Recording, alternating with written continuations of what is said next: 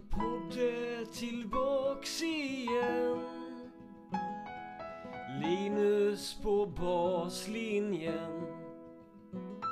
Ja, han är tillbaka igen.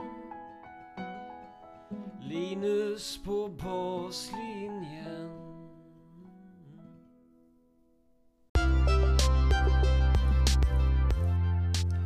Welcome to a brand new episode of Linus Pa Baslinjen podcast. This time together with the author to the book The Master, The Long Run and Beautiful Game of Roger Federer, Christopher Clarey. Clarey has covered global sports for the New York Times for more than 25 years. He have over the years interviewed everyone in the tennis world from Bjorn Borg to the stars of today and is known as one of the world's leading tennis journalists. In this special episode, we focus on Clarey's great new book about Federer, and I get to ask him uh, a lot about a, a, couple of different topics he brings up in the book, that, but that I was uh, sort of curious to hear more about. For example, why um, he decided to write a book about Federer at this time, even before his career is over. We talked about Federer's attitude, uh, what kind of role his parents have played in his development. We talk about uh, the fitness coach to Federer, Pierre Paganini, and of course about the rivalry and friendship with Rafael Nadal. And uh, a lot more uh, that I was, yeah, curious to hear more about. So, without further ado, please welcome Christopher Clarey.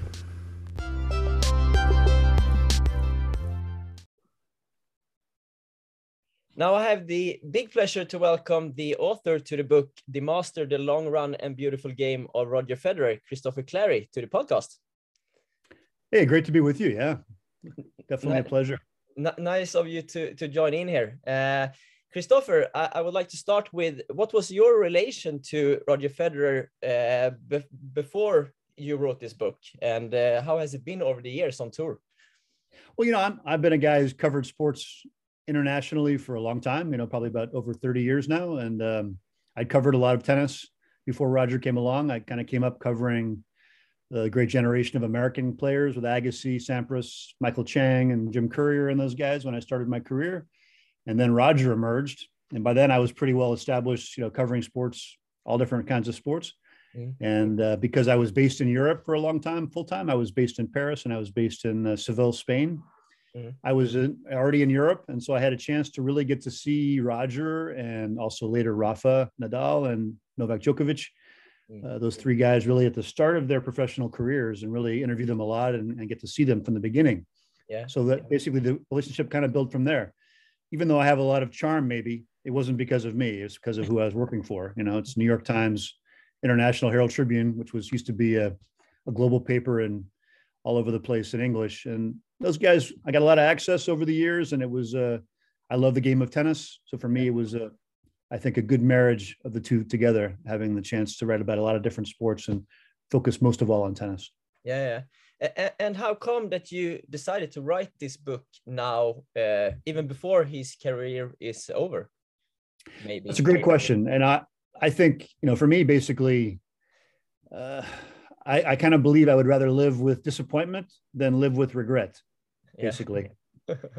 and I I think to write a book, uh, I hadn't written a, I've written some books in the past, actually some, some books about Swedish Davis Cup and Davis Cup yearbooks, but they're nothing like this. This is my first real book. Okay. And yeah. I knew it was going to be a big challenge, especially um, trying to do it the way I wanted to do it.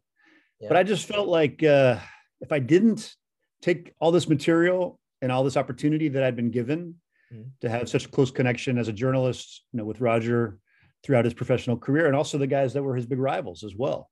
Mm-hmm. Um, if I didn't do it, I'm in my I'm in my mid 50s now. I've been doing this a long time. Mm-hmm. I've talked about writing a, a, big book for many years. Never had had the chance to do it. I just felt like if I didn't do this one, I would really regret it. Yeah, I see. like I, I needed to not have that feeling. I didn't want to live with that feeling. Yeah, yeah, yeah exactly. So I think it was an interesting, and it wasn't like I was dying to do it. It was like I would have died if I didn't do it. I think so. It was. It's kind of one of those things where you have to figure out where your motivations come from. It, but I think really, uh, ultimately, it was because I felt like I had such, you know, really special opportunity and special material. I wanted to try to make the most of it. Yeah. And I think Roger, to your question, you know, Roger Roger, yes, he's not finished. He wants to keep playing. I, I fully respect that. And I, I believe um, he's, he is going to try to come back. Mm-hmm. But I really honestly feel like he'll write his autobiography at some point, like Agassi did with Open, a bit like Rafa Nadal did as well with his book, even though Rafa's got a lot more career after that.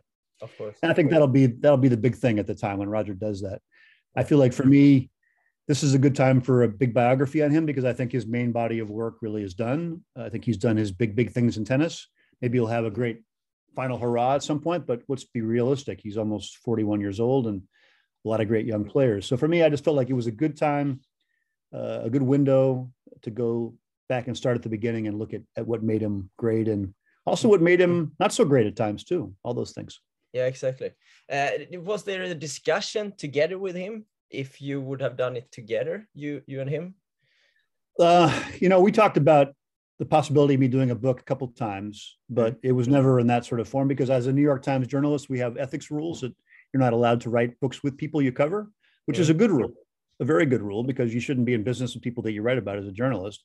Mm-hmm. Um, but I think we both realized that there had been a lot of in-depth coverage from the New York Times of him through me over the years, and uh, a lot of really interesting times in his career and interesting kind of pivotal moments in both his private life and his professional life. Mm. So I think we both were aware there was enough material there for a book. And I think if um, I'll look forward to reading his autobiography when he does it, when it's finished. Uh, are you but sure going to do it? I'm pretty sure he'll do it. Yeah. Yeah. Yeah. I'm pretty sure. But I think for me, you know, it's, uh, it needed to be independent, but I definitely told him about it. And I said, Hey, you know, I'd love to have you, you know, read it and hope you can help me fact check. But I think he's also taken the stance over the years. There's been a number of books about him, mostly in German, by Swiss journalists who've known him since he was a, a kid, like Rene Stauffer, for example. Mm-hmm. And uh, I think those books have done have done quite well in that market. And I feel like he hasn't cooperated with them directly, and he wasn't going to cooperate with mine directly, and nor nor could I have allowed him to because that's that's our rule. Okay, okay, I understand. Uh, I I read a book like two weeks ago, uh, and uh, I, I, really enjoyed it. So congrats to a great uh, great work. Uh, there are a few a few topics from the book I, I would love to hear your view of even more. Uh, and one of the things is yeah, like I guess you have got the question a couple of times now, but his temper. And I wonder how how big part this did his dad Robert have in the change of his attitude on court because there was a story in the book when when Robert gave him some coins for a bus ride back home, uh, like like a statement that his attitude on court wasn't okay that time. Uh, did, did, Robert yep. have a big deal in, in, like that change of him? What was your feeling? I think so. But first of all, thank you for your nice words on the book, Tech. I appreciate that. Definitely a hardest thing I've ever done for sure. No doubt about it. The biggest challenge for me. Yeah. But as far as, as far as Roger's progression, yeah. I think um, it's been a remarkable progression, much like the great Swedish player Bjorn Borg and his his career when he was started out as a a hot-headed guy, and I think he made his change younger than Roger did. Uh, yeah, probably, yes. In his entourage, but he went from really hot-headed guy to just stoic, cold poker face. Yeah, Roger was quite as extreme, but pretty close. But I think Rogers was much more progressive over a longer period of time uh, change. Okay. And his parents definitely clashed with him about that. I think they had standards about how they wanted their their son to behave on court, and he was not meeting those standards. He was uh, mm-hmm. not a great loser, not much self control through his racket, a lot of yelling, a lot of self, uh, a lot of it directed toward himself. I think I don't think it was directed so much at other people. It was more about his own his own game, his own uh, failings, mm-hmm. and they tried to help him. But I think it's very telling that at one point when he was training in uh, in Biel at the National Center in Switzerland, he was about 16 years old or so uh, the family and Roger and his coach at the time, Peter Carter, they all decided that he needed to see a sports psychologist because they just weren't able to help him the way he needed to be helped. They weren't be able to reach him at that point, and they could all tell that it was holding him back and it was going to be an impediment for him and frustrating for him as well. And so I think obviously Roger's the one who had to make that decision, and and they did see a, a sports psychologist, a, a young guy named Christian Marcolli, who was based in Basel, who used to be an FC Basel uh, soccer player actually mm-hmm. uh, pretty good one. So I think they thought he could relate to Roger, and I think they were right. And I think he made a he played a big role. But I think everybody over time. I mean, there's a story also of of Robert Federer stopping the car after a tournament when Roger was going crazy in the car and and taking him out. And it's not very 2021 PC, but he takes him out of the car and puts his head in the snow to cool him off. You know, wow, there's that story too. So I, I think I think Robbie and and and his son had several moments that we probably don't even know about when there was that moment of tension. And I know Lynette Federer has talked about this to his mother. It was something that was tough for her to watch, tough for them to see. So I know how how proud they must be really to see how much he's transformed himself and really been quite the gentleman and example on court for most yeah. of his professional career. It is indeed quite a transformation. Yeah. have you talked a lot to his parents over the years? I talked to his his mother uh, early in his career, and mm-hmm. a, a bit to Robert as well. I actually ran into Robert Federer a couple different times in different places when I was interviewing Roger. Once in uh, Buenos Aires, Argentina. Yeah. Back when I was down there for what's the way the book begins, actually, in the interviewing Roger. But that was the night that also Robbie was down there, and he looked like he enjoyed traveling every bit as much as his son. Maybe that's where it comes from. Yeah, yeah, yeah. Definitely a big globetrotter, and if he hadn't been a globetrotter, Roger wouldn't exist because it took Robert Federer leaving Switzerland and going to South Africa and as yeah, a young man to kind of take a new professional adventure. And whom did he meet when he was there? But Lynette Federer. So that was no no wanderlust in uh, Robbie Federer, no Roger Federer would exist for sure. exactly. Uh, th- there was another part uh, in the book uh, with Robert uh, that I reacted to. That like uh, Robert told Roger at one point that he sort of needed to be top hundred when he was like 20 years old. that's quite a pressure to put on a guy's shoulder was your feeling that Roger have liked to work and play under pressure, or or what was your reaction when you like heard that thing? I think that comes from the culture that he was coming from. I mean, obviously his mother's South African, Lynette, but really Roger comes from mostly a, a Swiss background, a Swiss German background with his father, mm-hmm. and um, you know, Switzerland is not a, a, a place that would necessarily want you to sacrifice education for your sports dreams. It's not really part of the culture there. Maybe it's changing a little bit now, but at the time Roger was growing up, it was definitely not the case.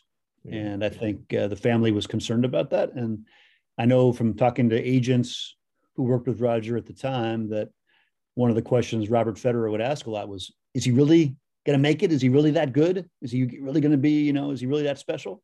Because he, you know, wasn't a great player himself, didn't play competitively really. He had no frame of reference. So he needed to get reassured. I think he was concerned, like uh, a lot of Swiss parents would be, because the society has a lot of stepping stones you're supposed to follow, and you're you go along that path, and and you kind of make sure you're secure, and then maybe take your risks off a strong platform. Roger was trying to take a risk off a weaker platform in terms of mm-hmm. education and things like that. He stopped school when he was 16 years old as soon as he could. Mm-hmm. I think that was hard. Now, you know, Robert Federer is a trained engineer, so he's somebody who's pretty highly educated. Mm. And Lynette Federer, if you speak with her, she didn't go on to higher education, I don't think, but she's obviously very bright and very, you know, curious person. So I think they they wanted the best for their son, and I think one of the ways that they tried to ensure that was, okay, you have your dream. We know you have a lot of talent. It's obvious. You've won Wimbledon juniors at 16 years old. I mean, not mm. many do that, but many don't make it after that either to the highest level. So we'll, we'll give you a, uh, our support. And the family was also getting a lot of help from Swiss tennis mm. the federation there, but they were spending their own money as well. Mm. So I thought they felt they wanted Roger to have uh, a sense that there was a timeline. Okay. It was not open ended, and they said, "Yeah, we need we need you to."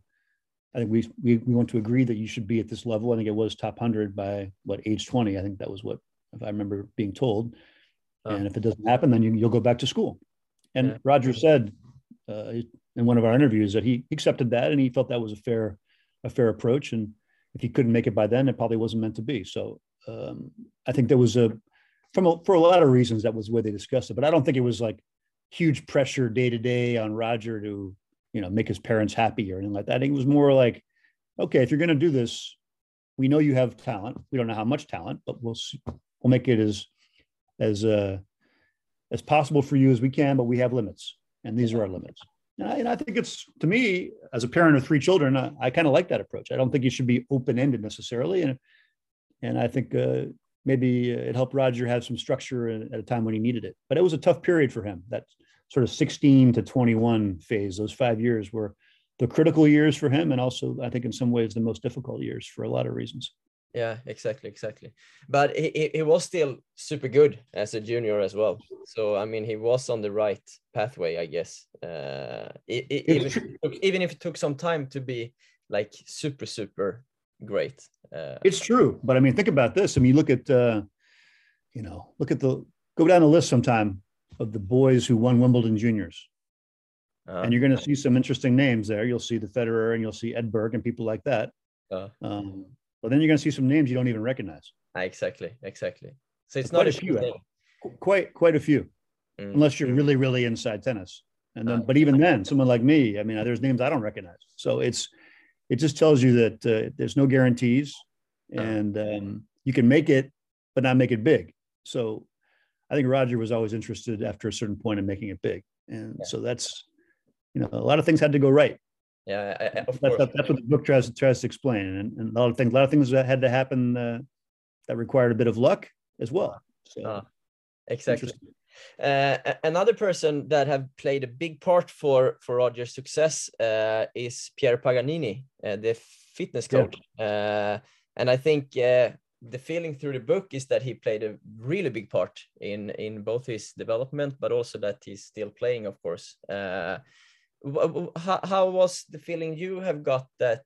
What kind of how big part of the success have Pierre in uh, in Roger's career? Yeah, interesting. You know, I mean, I think tennis is really become a team sport over Mhm. time. A lot of people say that, but I think it's true. Uh, I think to, to make it now with the means and the resources that the top players have, you have to have a lot of people involved. I Mhm. think to optimize and maximize your recovery, your planning, your preparation, everything else. It's always been true to a degree, but the teams have become more and more defined and larger now. But Pierre, first of all, I mean, I, I my wife's French. I speak French. Pierre likes to speak French. Speaks many languages. We did our interviews um, in French, Uh-huh. Okay. and the guy is just, you know, he's kind of like a like a philosopher, really. Uh, he's sort of a, he reminds me a little bit, if you know Andre Agassi's story, uh, American tennis player. He had a fitness coach named Gil Reyes, who had a lot bigger muscles than uh, Pierre Paganini, but kind of a kind of a similar sort of voice in a lot of ways. A kind of a very measured, philosophical, Okay. uh, kind yeah, kind of give you really motivational, but reflective. Not like go do it, push up, sit up.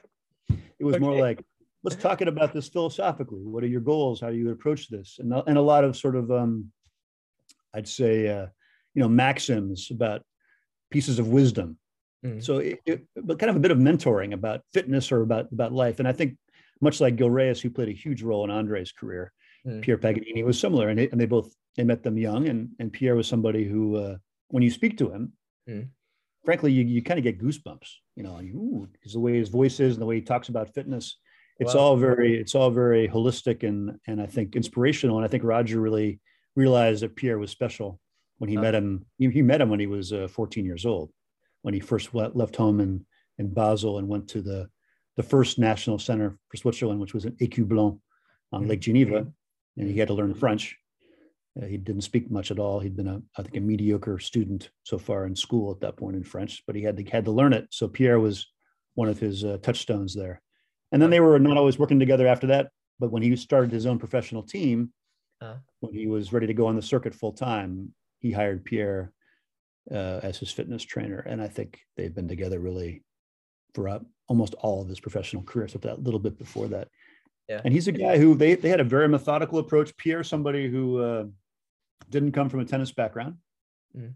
also kind of like gil reyes who didn't come from a tennis background He was more of a, a strength coach for football and american sports that are more team sports pierre was somebody who was uh, track and field athletics he was a decathlete and trained under some of uh, switzerland's best uh, track and field coaches so he came into tennis kind of with a uh, I call it kind of a lunar landing mentality where you kind of arrive in this strange place and look at it and you, what you observe, right? What's Yeah, it going yeah. to be like? And that's kind of cool. It's like when you travel, like me, we go to a country we don't know. Exactly. You first, when you first arrive, your senses are all tuned in, right? You're looking at everything around you, you pick up on all this stuff. Or Yeah. you've been away from Sweden for a while or for the US for a while, you come back home, suddenly you see it all with new eyes. Yeah, I think that was the way, that was the way Pierre saw tennis. okay. I think Roger, Roger benefited.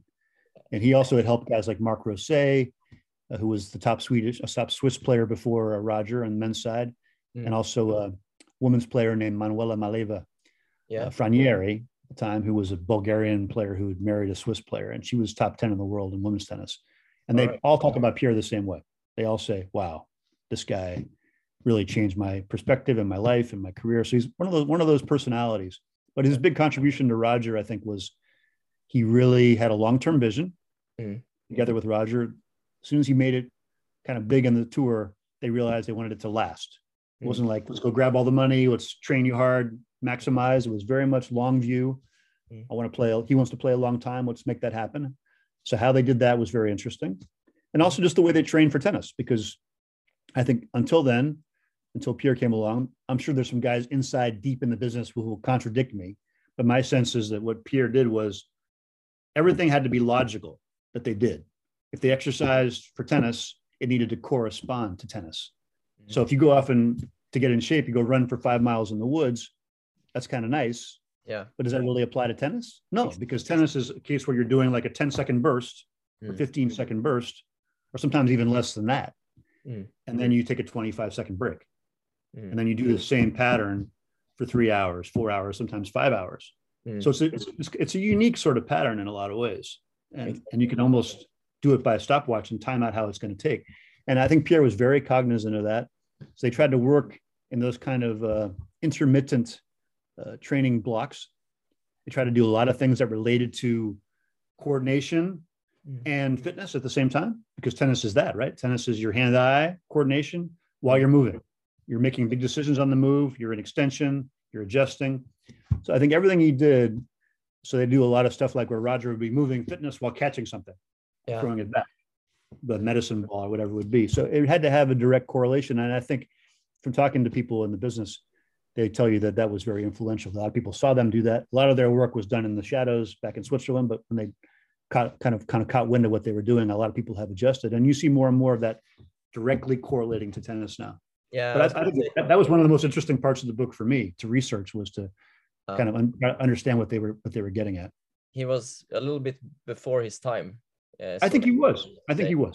Mm. There may be some guys I don't know about, but from what I can tell, the people in the in the business of tennis and fitness in general, that the sense that Pierre was ahead of his time, and and not only Roger benefited, but Stan Wawrinka as well, another Yeah. great player, who was also you know came along a little bit later, but he also worked with Pierre throughout his whole career, and it's Mm. not a coincidence. Uh, at what time did uh, Severin Luthi came into the team? Well, Severin Luthi's known Roger since the uh, days, like Pierre. He goes Mhm. back to that time. Okay. because uh, Severin Luthi's a little, a little bit older than Roger, um, and he was a top junior player and national level player in Switzerland. But he knew Roger from those early years um, as well, as did Yves Allegro, who was another Swiss player Ah, who was down there at that time. Those guys were all kind of in that Ecublens, Roger left home at 14 kind of period. And I think Roger relied on those people a lot because it was a tough time in his life. And he, the friends he made there, he's kept a lot of them over over time, which is quite Yeah. something. He has a lot of loyalty to his friends. Ah, There's also Marco Chiudinelli, who was his friend from Basel growing up. Mm. And they were little kids kind of crying during their matches against each other. Mm. Those guys are still friends, you know. So it's it's he's got a lot of long-term connections, yeah. uh, yeah. which I think speaks well of him. But as far as Severin Luthi coming into his team, I think it really happened. Um, I think after Peter Carter's death, which we haven't talked about, but is a huge part of Oh, yeah, Roger's right. story, his Mm. childhood coach. Um, Severin Luthi was pulled into the Davis Cup team for Switzerland, along with um, Roger's coach. Time was Peter Lundgren, Yeah. Exactly. a Swedish player. Exactly. And, and Peter Lundgren actually asked Luthi to come help him, and that was sort of where they started. Luthi kind of came into a coaching role, Ah, and that was very that was early two thousands. okay. And then he started to really, I think, become a bigger factor in Roger's personal career. Mhm. I'd say mid 2000s, 2005, six, seven in that range there. Okay. And he's been really, he's been really part of the main coaching team since I think 2007, 2008. So we're talking uh, well over 10 years. For a long time. He's yeah, kind of in the shadows. He's in the shadows. He's a guy who hasn't gotten much credit. He's kind of a, a low key personality. He's quite funny and very close to Roger personally, but they, Mhm. he's always had other kind of superstar coaches with him. Yeah, that was what I was gonna ask. Like, Yeah, what, like, what has his role been in the team? I mean, because Roger has had had other expert coaches coming in from time to time. It's hard to know exactly how that works sometimes because you know you don't know if you have two coaches working, which is increasingly the case for the top guys. They have Mm. partly for the sanity of being a traveling coach. It's hard. It's a lot of time on the road, so Mm. they try to divide it up. You see Novak Djokovic do that with uh, Goran Ivanisevic and Marian Vajda as well. You see more and more of the top guys who can afford it having, having two different coaches. And I think Severin's been a friend, but also a guy who really understands Rogers' mentality and makeup. And in a way, he's sort of been when the new coaches come along, whether it's Stefan Edberg or Paul Annacone or Ivan Ljubicic, these guys know Ljubicic knew Federer before, obviously, but yeah, Luthi's been involved with Rogers' training and methods and approach for a long time intimately. So he's able to, I think, help those guys that come into the team maybe with better credentials if on tennis side with their achievements to understand what makes Roger tick. And it's a nice combo where Severin can kind of be the inside guy. The mm-hmm. other coach can be somebody who looks maybe at the bigger picture a bit more. But I think it'd be silly to underestimate Luthi's understanding of the game and the details of Rogers' tennis. We talked to him about it. He he remembers like Rogers' service motion from the 1990s and early 2000s and the little changes that they've made. And wow. he's uh, he's very, I'd say, uh, granular about how he approaches that stuff too. Yeah, it must be someone Roger trusts a lot, I guess, because um, he's kept him all, all, all the time. Um, yeah, he and Pierre both, I'd say for sure. Yeah, on the on the coaching side. Yeah, exactly. Uh, I would like to talk a little bit about uh, the rivalry with uh, Nadal.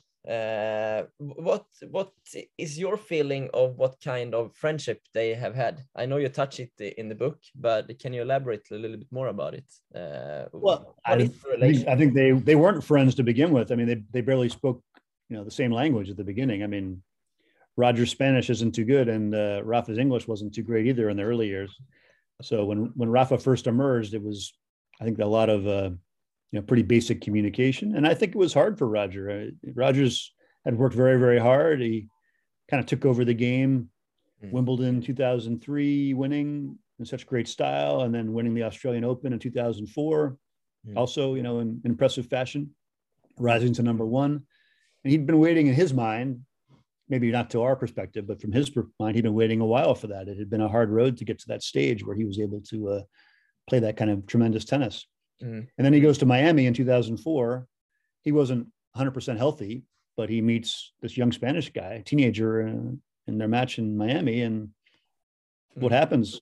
If you go back and watch the match, which I actually recommend people who are really into this sort of thing, go back and watch the YouTube of Rafa Nadal and Roger Federer's first match yeah. I mean, all just it was things were happening that Roger had not seen before. I don't think. Yeah, exactly. shots that would have been winners against other guys were just suddenly coming back in ways that he wasn't prepared for entirely.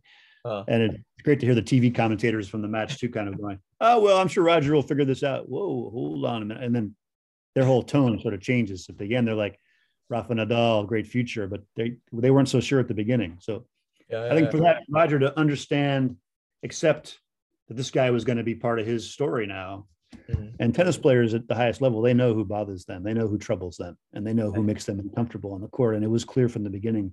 They played the following year in the final in Miami, and Roger won, but it was a tough five set match. So, really, from the pretty much the beginning of Roger's dominant phase, mm-hmm. Nadal was kind of always there in some way, either uh-huh. background or foreground. But he was there, especially on clay, of course, but also on the hard courts. And it took a while for I'm sure Roger to accept that. Mm-hmm. There some, I remember him getting upset about Tony Nadal coaching Rafa during matches at times, a little bit of an edge there in the early years. But I think over time, and obviously the painful losses, the Australian Open final that he lost when he cracked in the, the ceremony afterward, and then the amazing match at Wimbledon that Nadal won in five sets, you could barely see at the end. Yeah. Those are brutal, brutal moments to accept when you're a, a young champion like Roger was. Mm. So I think it took a while to absorb that, but I definitely believe they've become friends, genuine friends over time. I know they connect a lot at this point in their careers. They actually communicate pretty regularly mm-hmm. about tour business, but also just, just in general. I think they check in with each other. I think that they basically uh, they share a lot. Mm-hmm. One of the things about the book, when I kind of really plunged into their biographies and their stories, and a lot of the old interviews, was looking back. They actually have a lot in common. They're they both have a lot of the same perspective on life, and they have a lot of similarities and where they come from and the families and things like that. So I think they have a lot of common ground, and and now Rafa's English is a lot better. Yeah, I think Roger, Roger's Spanish isn't any better, but Rafa's English is a lot better, and there's a lot of respect there. And I think also they realize that their game of tennis has benefited a lot from their rivalry. Mm-hmm. They both talk about that. And Rafa, and Rafa told me something. It's a really great comment from him near the end of the book. Actually, I think might might even be in the last chapter. um, about how we realized over time that it was important to take care of our our relationship Exactly. because we believe that we we know it's kind of bigger than we are, Mm. not just for tennis but for sports. And I think we want it to be to be good and be healthy, and it matters to both of us. That's Mm. a pretty interesting way to describe it. Really, you could almost see that happening after they retire, but it's I think it's unusual that it would happen while they're they're both still playing. yeah, yeah. I think it's, it's actually I think it's a pretty beautiful thing to be honest with you. Having watched those guys evolve together, Mm. Roger accepting that Rafa was so he's five years younger. This guy was going to rock his world, Mm. but that they've they've come to a good place. So uh, it's it's a pleasure to watch them interact and um, and deal with each other. A- and uh, and how how about uh, the relation with Novak, which is quite different? Uh, what is your take on that? I think part of it is that Novak came in after they'd already established their connection. You know, Roger had accepted Nadal's role in his life and rivalry and all that, and, and then Novak comes along and you know basically that great Wimbledon final between Rafa and Roger was 2008. That was the same year that Novak won his first Grand Slam title. So the peak of the rivalry of Rafa and Roger was 2008. But suddenly here comes Novak, and it took Novak a couple more years to really confirm it. But once he did, I mean, he was a, basically the 2010s really were stepped on clay, were Novak Djokovic's decade. Mhm. So I think Roger had a had a hard time also dealing with that, and I think Novak's style is very different. Rafa was always very deferential. Mm. Novak, you always say Roger's the best player ever. I don't know how I kind of I don't know how I beat him. Then you go out and beat him again. But he was very kind of the polite assassin, if you will. Yeah, exactly. Yeah, you know what I mean? The, like Yeah. very well mannered, almost like, come on, Rafa. We, we all know there's no way that you're you're too good to be talking like this. But yeah, but that more you was, push him, the more he would just no. I, that's what I think. He's the greatest of all time, and da, da, da, da. so. But I think he was very deferential, respectful. Novak, maybe compared to the old era of Ivan Lendl and Jimmy Connors and John McEnroe, was pretty polite by that standard. But by based on what was happening time he emerged, it was a little bit different vibe yeah, different expectations. Mm. And Novak, I think, is from a different background. I mean, the guy was from a situation with he's from a I think a, a strong family with some educational background and and uh, business people, but they were going through a brutal time with the war in Serbia and Yugoslavia, and he basically was they were down to their last, according to Novak, last uh, forty Deutschmarks at one point, um, and they uh, had to take a lot of risks and chances. So it's a very different sort of approach.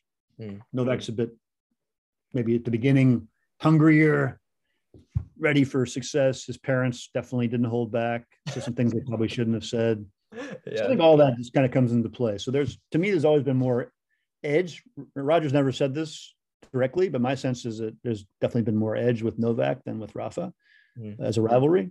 Mm. And um, and it was tough to accept one guy taking away Rogers' toys, uh, uh, but two guys taking away the toys is tough, you know. Yeah, Like a tough, tough, tougher playground that way.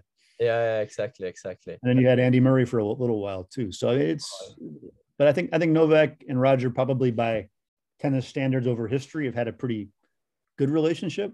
But Mm. by the standards of this era, which has been much more gentlemanly and at least on the surface, Mm. there's been more edge there for sure. And it's been a great rivalry. They, I love the way their games match up. Mm. Th- th- There's uh, there's been some some uh, couple of matches when uh, when Roger had held match points against uh, against Novak and lost, and I think in the book I could read that like it was around 20 matches Roger have lost with match points, uh, holding match points in, in his career, which is uh, I mean quite a lot. I was surprised that it was that many. Uh, but but Yep. w- what do you what do you think is the reason behind that? Because 20 matches is is a lot when you're that good good of a player. Yeah, I don't know the exact number now. It's over 20. Yeah, he's in the 20, he's, yeah. he's in the 20s and and Novak and and Rafa are both under 10. They're single digits. Um, Yeah. So I think which is a big difference. definitely there's a difference. Yeah. Part of it, obviously, Roger's been playing longer. He's he's been playing for, you know, he's uh, five years older than those guys. Yeah. So he's somebody who's had more matches under his belt to have opportunities to to lose it when you have it. But But I I, I, asked 20 matches in a few years for for Nadal or Djokovic either. Or I don't think so. I mean, I think I think there's something to Roger's style of play. It's he's an aggressive, very aggressive player. He's not always reactive. He's somebody who brings the game to you. Mm. at a time when it's very uh, possible to, as we saw at Wimbledon, one of the matches you're talking about is the 2019 final when Novak hit a forehand passing shot Which cross court, Yeah. very precise. Maybe back in the day, it wouldn't have been as easy to hit that shot. But the, the game has changed, and the and the uh, materials changed, and the strings, and it's easier to hit precise passing shots than it used to be. Mm. So it doesn't always help the attacking player. He's more vulnerable. Uh. But I think there's also maybe a bit of Rogers' mentality too. I think he's somebody who's maybe a little bit more uh, brittle, just a little bit under pressure. Uh, maybe against those very best players, the guys who can put him in an uncomfortable place where he presses, Mm. feels he has to do maybe more, and isn't Rogers' game, as we know, it's beautiful flow and loose, Yeah. very loose limbed, and it's all kind of looks effortless because it's so kinetically connected. Mm, mm. But maybe those guys, maybe particularly Novak in some ways, it puts him in a place where he's pressing and he's clenching and he's tight when he wants it so much. And that maybe takes a little bit of that Roger quality away when he needs it the most. Mm. Um, and I know there are three big matches he's lost to Novak with two match points that he's had. That's that's that's a lot against in one rivalry to have had happen. And you can't tell me it's not a little psychological aspect thinking about that a little bit there too, no matter what he says. So Mm. but I think it's style of play, um, and I think the, the dynamic of those rivalries. But he's also let's let's let's be honest here. I mean, this is a guy who's played thousand over a thousand matches on the tour and has won so much and has won 20 Grand Slam singles titles and over 100 ATP tour titles. So he's a guy who can handle the pressure, no Mhm. doubt. Mm. But you're right; those numbers are interesting because it shows a little bit of a of a, of a shift and a and Yeah. despair. It is interesting. Uh, and uh, I, I, when I asked you about this podcast, I, I wrote it to you as well. But uh, I, I got really fascinated about the, how he managed to, uh, like, let go of set, of the setbacks of, of some disappointments and and the tough losses. Uh, what was that your feeling that he was is really good at that, like to to be disappointed, let go, and move forward? or or Yeah. did I get a correct feeling of it? I think that's right. I think that's something we can all learn from, uh, Mm. whatever we're doing too. I think whatever our walk of life might be. I mean, I think you have to have resilience Mm. in everyday life to to succeed. And I think as a tennis player, it's so important because you're going to lose a lot. I Mm, mean, even even the best players are going to lose a lot. Um, a lot. so it's just a, it's just a matter of you got to you got to some point deal with it. But I guess in Rogers' case, because of the match point defeats to Novak in those two U.S. Open semifinals Mm. and the loss in the Australian Open to Rafa, and then he's had a lot of brutal defeats he's had to come back from, Mm. And he's had some personal adversity too with his coach Peter Carter from his youth you know, dying in a accident when Roger was very young and Peter was very young too. A very important moment in his life. So he, I think he's somebody who uh, his basic character is very good. He's somebody who I think has a optimistic, positive energy personality, despite his problems with behavior as a young player. Mm. I think he's somebody who uh, who um, is able to um, to move forward with with positive energy, Mm. and I think he's able to bounce back. And I think he's also got a situation in his life where he's learned that he needs to separate the Mm. professional world of his tour life. Even though he's married to a former tennis player with Mirka, his wife, he's able to get away from it all at times. And he used the, I think I thing I remember the most from one of our interviews was him talking about his clenched fist. He held up this clenched fist and he's explaining how he lasted so long on tour. And, he, and the, the fist was clenched. He goes, You got to find a way. And then he relaxed the fingers. You have to do this more often. He said, looking at his hand. It's very important not to be clenched like this all the time, Uh, not to be clenched uh, too too often. You need to find a way to just let yourself go. Uh, Otherwise, you burn out. That was his expression. So I think he's learned over time how to manage that clenching and unclenching, and he's learned also over time uh, how important it is to have balance in your life. I'm not mm-hmm. saying he had it when he was young necessarily, but he's developed it over time that has allowed him to have a place to mentally get a break from the pressure and the expectations and and Mm. kind of switch mm-hmm. off entirely. So when he comes back Mm. to do an interview with somebody like me who's going to bug him with more questions or talk to a mm-hmm. sponsor who's mm. got a lot of people's hands he wants them to shake or go out and train and handle the whole scene of being in the focus on the ATP tour. Uh. He's got a spring in his step. He's enthusiastic because he's taken the time he needs to regenerate so he's Yeah. fresh. And that truly is something we can all look at and go, okay, yeah. that's a good, good method. Because Yeah. I think that's that's part of the problem we all have in our lives. Mm, of course. Uh, do, do, you know if he's still work uh, working with some sports psychologist now? He says he says no.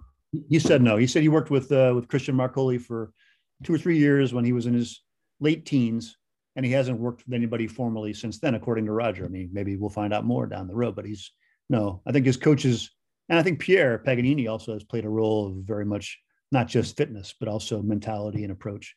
Okay. And I think it's something his coaches, but I don't think he's worked with a formal sports psychologist since he was probably 19 years old. Okay. Okay. Hmm. Uh, Christopher, I, I, would like to finish with with uh, one other thing from the book, uh, which was quite funny. Uh, it's like a story when he visited a, a dentist when he was younger. Mm. Yeah. Can, can, you please retell a little bit about that? Yeah, that's a great that's a great Roger story. You know, it's, yeah, it's, it's, it quite up a lot of. All right, what's that? It was quite funny. Yeah, I thought so. I mean, it was, and and telling. You know, it was sort of, and he told the story in almost like a. I'm not sure he was proud of it, but he it, he felt it was an he felt it was an important story to share. I okay. think it showed, okay. showed his mentality. He, he yeah. told me the story quite spontaneously, and oh. it was basically when he first went pro, decided to go on his own and stop school in Switzerland, which was the earliest possible time he could, really, according to Swiss regulations. So 16 years old, and that was when his parents also talked about we're going to give you a timeline and you need to make top 100 by the time you're 20 or whatever but he went to see his family dentist in basel mm-hmm. and uh, he's describing the situation he's sitting in the chair and the dentist is working on his mouth unfortunately dentists they have their conversations with you it's hard to have a conversation but roger's trying to talk to him about his life and the dentist says so what are you doing now and roger goes i'm playing tennis and the, and the dentist kind of goes well what else are you doing he goes, "No, Roger, that's really all I'm doing. That's what I'm. That's that's my life. It's I'm going to be a tennis star." Mm-hmm. And the guy just couldn't get it, according to Roger. He just kept asking him questions and like, you know, like what's your backup plan or whatever. I don't know. Uh, and so Roger said basically tells a story in very nice sort of tone of voice, and he goes, "I never went back." Yeah, because it was so, too, yeah. too much negative energy. Exactly. He said, I, I needed people at that time in my life, and I think he feels the same way now. He wants people that are going to be, you know, positive about his projects and his dreams and, and support them, but not to the point where you're going to, you know, just believe everything he says blindly if you're his coach or his advisor, but, you know, mm. have that energy and the positivity and, and belief in that it was possible. And I think he was feeling at that time in Switzerland and his whole, maybe uh, his culture there was resistance to that. Mm. And he just didn't want to have that voice in his head or mm. the dentist in his chair. He wanted to keep positive. So I, I think that's a very, very Roger story. Yeah but, but it, it's funny but i mean it also says something that it's quite important to have right people around you really uh, yeah. uh, that gives you the right uh, energy and atmosphere uh, i think uh, i think that's right and i think rogers rogers whole career um, obviously we talked about some things that have been disappointing there mm-hmm. certainly have been some um, some tragedy with peter carter's death uh, i think rogers ultimate path it's been helped by the good decisions that he's made. Mm. Obviously, you have to be lucky to come across certain people in your life, mm. but you also have to be smart and intuitive mm. and instinctive mm. to know who you keep in your life and who you don't, and who you trust and who you don't. And it just seems to me, I mean, it seems to me from the, as an outsider and as a journalist. He's made a lot of good choices over the years. Uh, he's, he's taken those things, he's followed his instincts yeah. and I think uh, I think generally I think it's worked out pretty well for him. Yeah. Yeah. Because he, he took some tough decisions as well. For, for example, with, with Swedish Ice, when he decided to split with Lundgren, for example, uh, even though it was quite successful partnership. Uh, so I mean, it's like you say, you, you, need to take the right choices at the right time uh, in your career. Yeah, you do, you do, or you need to make. If you make a choice, you need to own it and make the most of it. Mm. And in mm. Peter in Peter Lundgren's case, I mean, Lundgren was also a a tough choice in the sense that Peter Carter, Rogers' boyhood coach, who was Australian, yeah, and was coaching him in the Swiss Federation when he went on the tour full time, he had to choose between Peter Carter and Peter Lundgren, hmm. and he chose Lundgren because uh, I think it was one of the harder choices of Rogers' life, and it was a very important one because it was a critical time in his tennis career. Hmm. But he chose Lundgren because Peter had had uh, more experience at the top level on tour and he could do a great Bjorn Borg imitation. I'm sure that was part of it as well. For but sure. that was a big decision. And then you're right, a very surprising decision and, and a tough one. Uh, we may not know the whole story on that decision still, but why he decided to split with Lundgren after he won Wimbledon, his first Grand Slam title, and end of the 2003 season. Could have been money issues in some ways. Could have been some personality clashes inside his his. Um, Roger has never said it was anything but his own call. I I imagine he talked about it with Mirka, his girlfriend at the time, quite a lot later, his wife. But that was that was a risky one, yeah. And he went on his own, mm. you know, really coaching wise, and then also agent wise, mm. um, for for a fair bit of time after that. So at a time in your life when you're pretty young and mm. it can be a drain on your energy to have to worry about those things on your own. But he he took a pretty risky choice there. I agree. Mm-hmm. Interesting story, and uh, Christopher, it was a pleasure talking to you. Uh, thank you. I really enjoyed it. Yeah. Thank you very much for, for taking your time uh, and thank you for uh, writing the book as well. Uh, no, I appreciate it. recommend it. Uh, appreciate that. No, I, I, really, I'm really glad it's, it's one of the things that's been really nice for me. I spent most of my career traveling and working internationally. Mm-hmm. And uh, I'm just very gratified that Roger has enough fans around the world. People wanted to translate the book into so many languages. It's been translated it's going to be translated into 17 different languages by the end. 17. Okay. Wow. And so one of them, one of them is obviously Swedish, and it's been out for a few weeks in Sweden, and it makes uh-huh. me happy to know there's a Swedish edition of the book. And it's a country I, I admire a lot and enjoy being in a lot. So it's it's meaningful yeah. to me to see that. Yeah, I read it in Swedish, so so for sure. Thank you very much, Christopher. Tech, all the best to you. Thank you everyone for listening to this episode and thanks to you Christopher for taking your time the day before Christmas Eve. Uh, if you haven't done it already, please follow uh, Christopher Clarey on Twitter, Christoph Clarey. You can find the name in the uh, show note. And uh, also, don't miss to read this great book uh, about Federer. It was, uh, yeah, it was a really great re- uh, read, uh, and uh, I mean for us Swedish people, it was fun to to read a bit extra about Peter Lundgren and also Stefan Edberg have played a, maybe a small part in, in Federer's career, but still. Uh, so go to your bookstore and uh, order it today is my recommendation. Don't forget to also visit linuspabasslingen.com for more articles and videos about tennis, uh, in mainly in Swedish though. If you want more podcast episode uh, together with me, uh, you can find I don't know how many, maybe 15 or 20 episodes in English. So uh, go back in the library and you can find more interesting interviews there. Thanks for today and uh, talk to you soon again.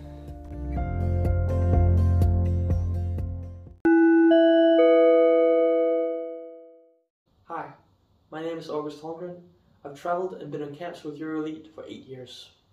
EuroElite has played a major role in my development as a tennis player and a person, and they work with more than 1,200 other players from Denmark, Sweden, and Norway during the last 20 years.